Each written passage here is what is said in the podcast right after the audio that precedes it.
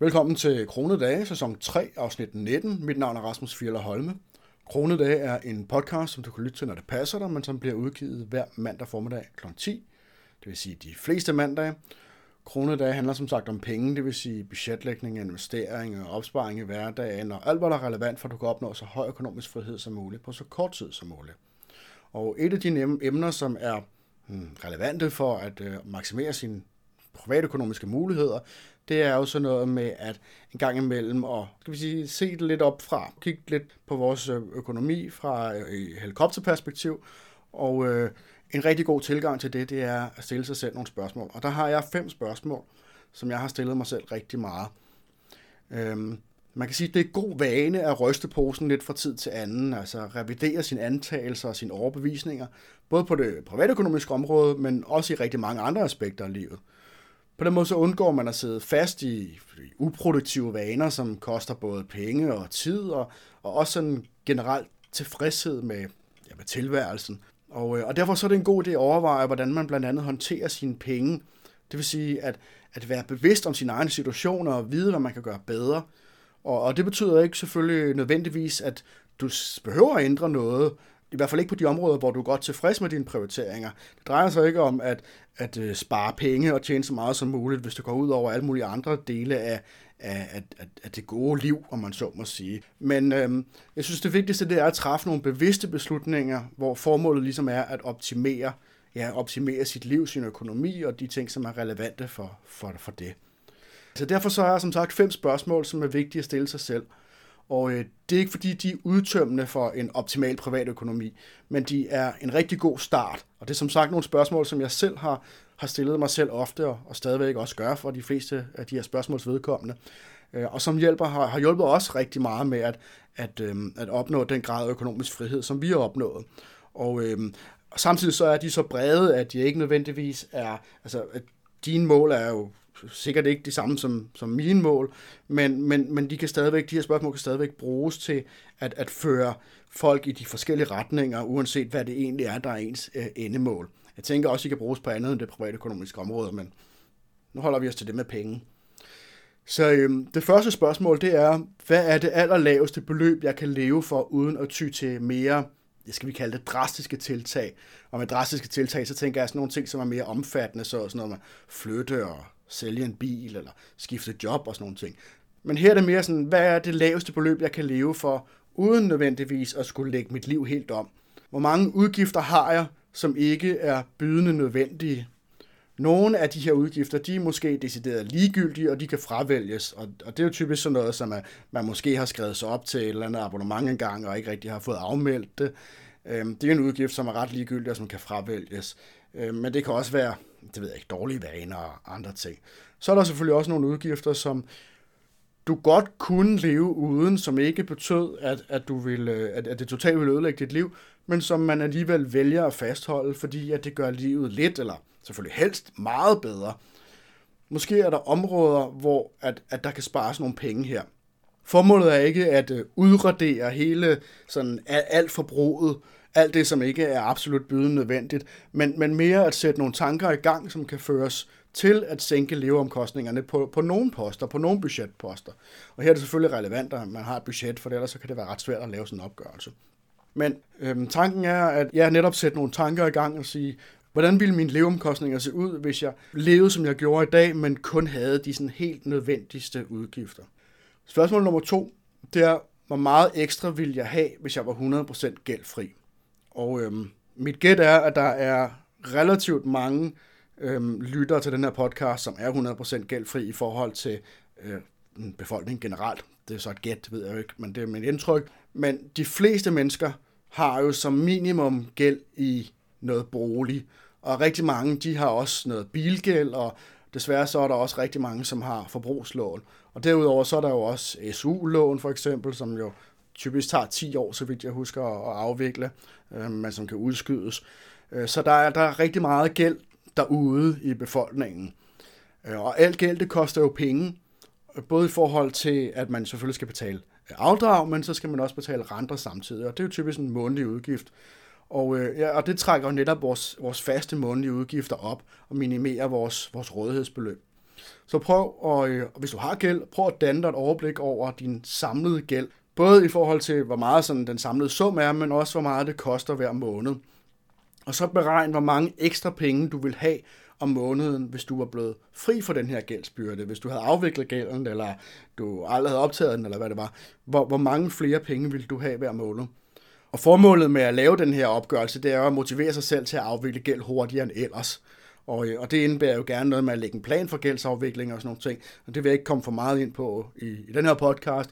Men, men, men tanken er selvfølgelig, at der skal være nogle muligheder for at have et eller andet arbejde med, når man, når man gerne vil øh, komme af med sin gæld. Og, øh, og når du så har et godt overblik, jamen, så kan du så efterfølgende også kigge på, hvor lang tid vil det tage, hvis du optimerer og afvikler hurtigere. Så hvis du for eksempel ville have 8.000 ekstra om måneden, hvis du ikke havde nogen gæld, jamen hvis du nu lagde 2.000 ekstra om måneden, hvis du endda fandt dem i, i nogle af de her tidligere poster, som jeg nævnte før, hvis du lagde dem over i gælden i stedet for, jamen hvad var så mulighederne for at hurtigere komme af med det, og hvilken effekt ville det have på det? Og hvor lang tid ville, ville det så tage at afvikle gælden? Så ligesom i, i luksusfælden, som de fleste nok har set det, i hvert fald på afsnit af.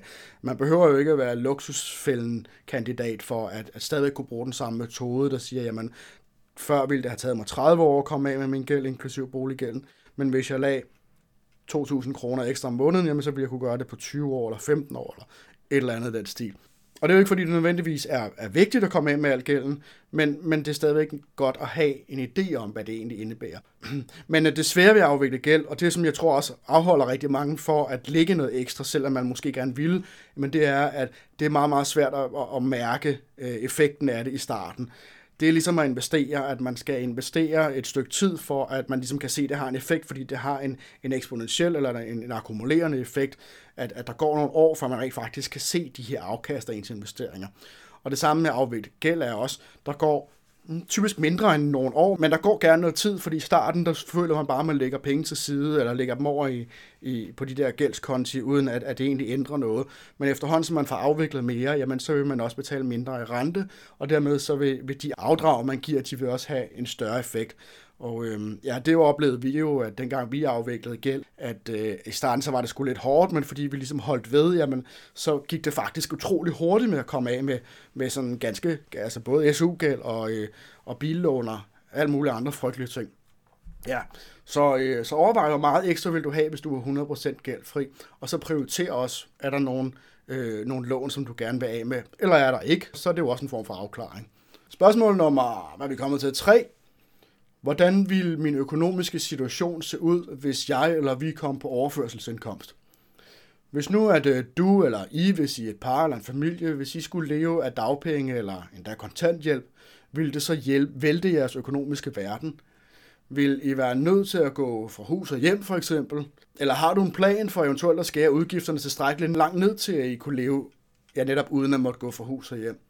Er det overhovedet muligt i forhold til de faste omkostninger, som I har nu?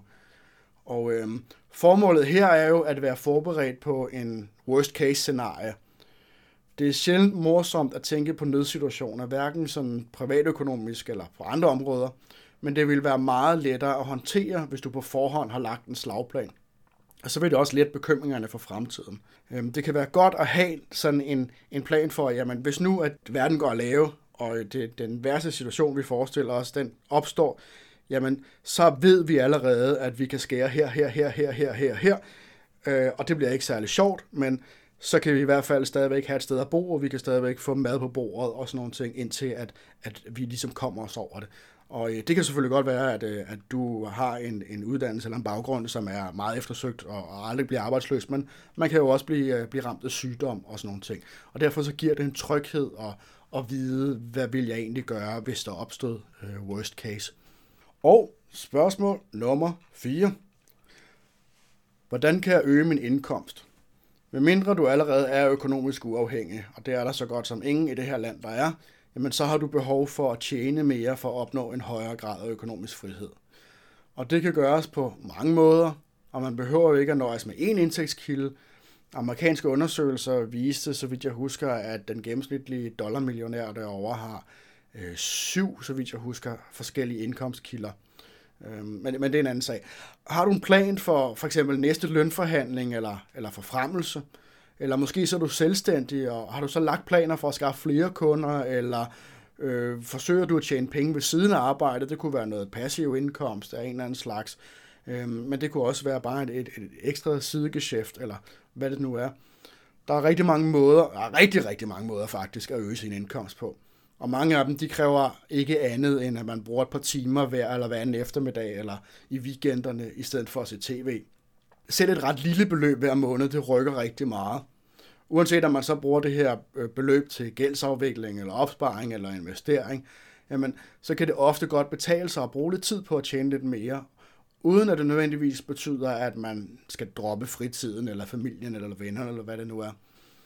Hvis nu forestiller sig, at man bruger lidt tid på at være ekstra forberedt til en øh, forhandling om lønstigning for eksempel, jamen det tager jo ikke særlig meget tid, men, men det kan have en kæmpe stor effekt, også selvom at lønstigningen måske bare er 1000 kroner om måneden eller noget af den stil, fordi at, at ja, netop 1000 kroner om måneden over tilstrækkeligt mange år, jamen det, det, er, jo, øh, det er jo mere end 1000 kroner. Og, øh, og nogle ting så selvfølgelig mere tid, og, og det er selvfølgelig meget individuelt, hvor, man, hvor meget man, man har lyst til at, at bruge på det. Øh, men derfor synes jeg stadigvæk, det er relevant at, at lige sætte sig ned og tænke, hvordan kan jeg egentlig øge min indkomst? Spørgsmål nummer 5. Hvordan ser mit liv ud om et år? Hvad har du gjort om 365,25 dage, som du pt. ikke har opnået? Øh, er du blevet gældfri, eller har du øh, lagt og fulgt et budget, hvis du ikke allerede har et budget? Har du skåret 1000 kroner i de faste månedlige udgifter, eller sparet op til en ny bil, eller hvad ved jeg? Når du kender dine mål, jamen så har du mulighed for at lægge planer for, hvordan de skal opnås. Hvis man ikke har et mål, jamen så er der jo ikke nogen fremskridt, eller det kan godt være, at der er fremskridt, men der er i hvert fald ikke mulighed for, at man kan måle, om der er fremskridt, og derfor så er det også lidt svært sådan at, ja, skal vi sige, konkretisere det. Men det er også svært at nå sine mål, hvis man ikke også har besluttet, hvordan de skal føres ud i livet. Så øh, det, jeg har gjort meget ofte, det er det her med netop at kigge på, hvordan ser jeg for mig, at en eller anden situation, for eksempel min økonomiske situation, ser ud om et år, fordi så har jeg ligesom noget at forholde mig til. Det er de fem spørgsmål, som øh, jeg synes, at alle bør stille deres private økonomi fra tid til anden. Altså, hvad er det allerlaveste beløb, jeg kan leve for, uden at skulle ty til mere gå så en drastiske tiltag? Hvor øh, meget ekstra vil jeg have, hvis jeg var 100% gældfri? Hvordan ville min økonomiske situation se ud, hvis jeg eller vi kom på overførselsindkomst? eller blev syge eller noget andet? Hvordan kan jeg øge min indkomst? Og hvordan ser mit økonomiske liv ud om et år? Det var ugens podcast. Jeg håber, du kunne bruge det til noget. Og hvis du kunne, jamen, så er du mere end velkommen til at gå ind på pengepuren.dk-support og hjælp med at holde podcasten kørende også ude i fremtiden. Og ellers er der bare at sige tak, fordi du lyttede med, og pas godt på jer selv derude.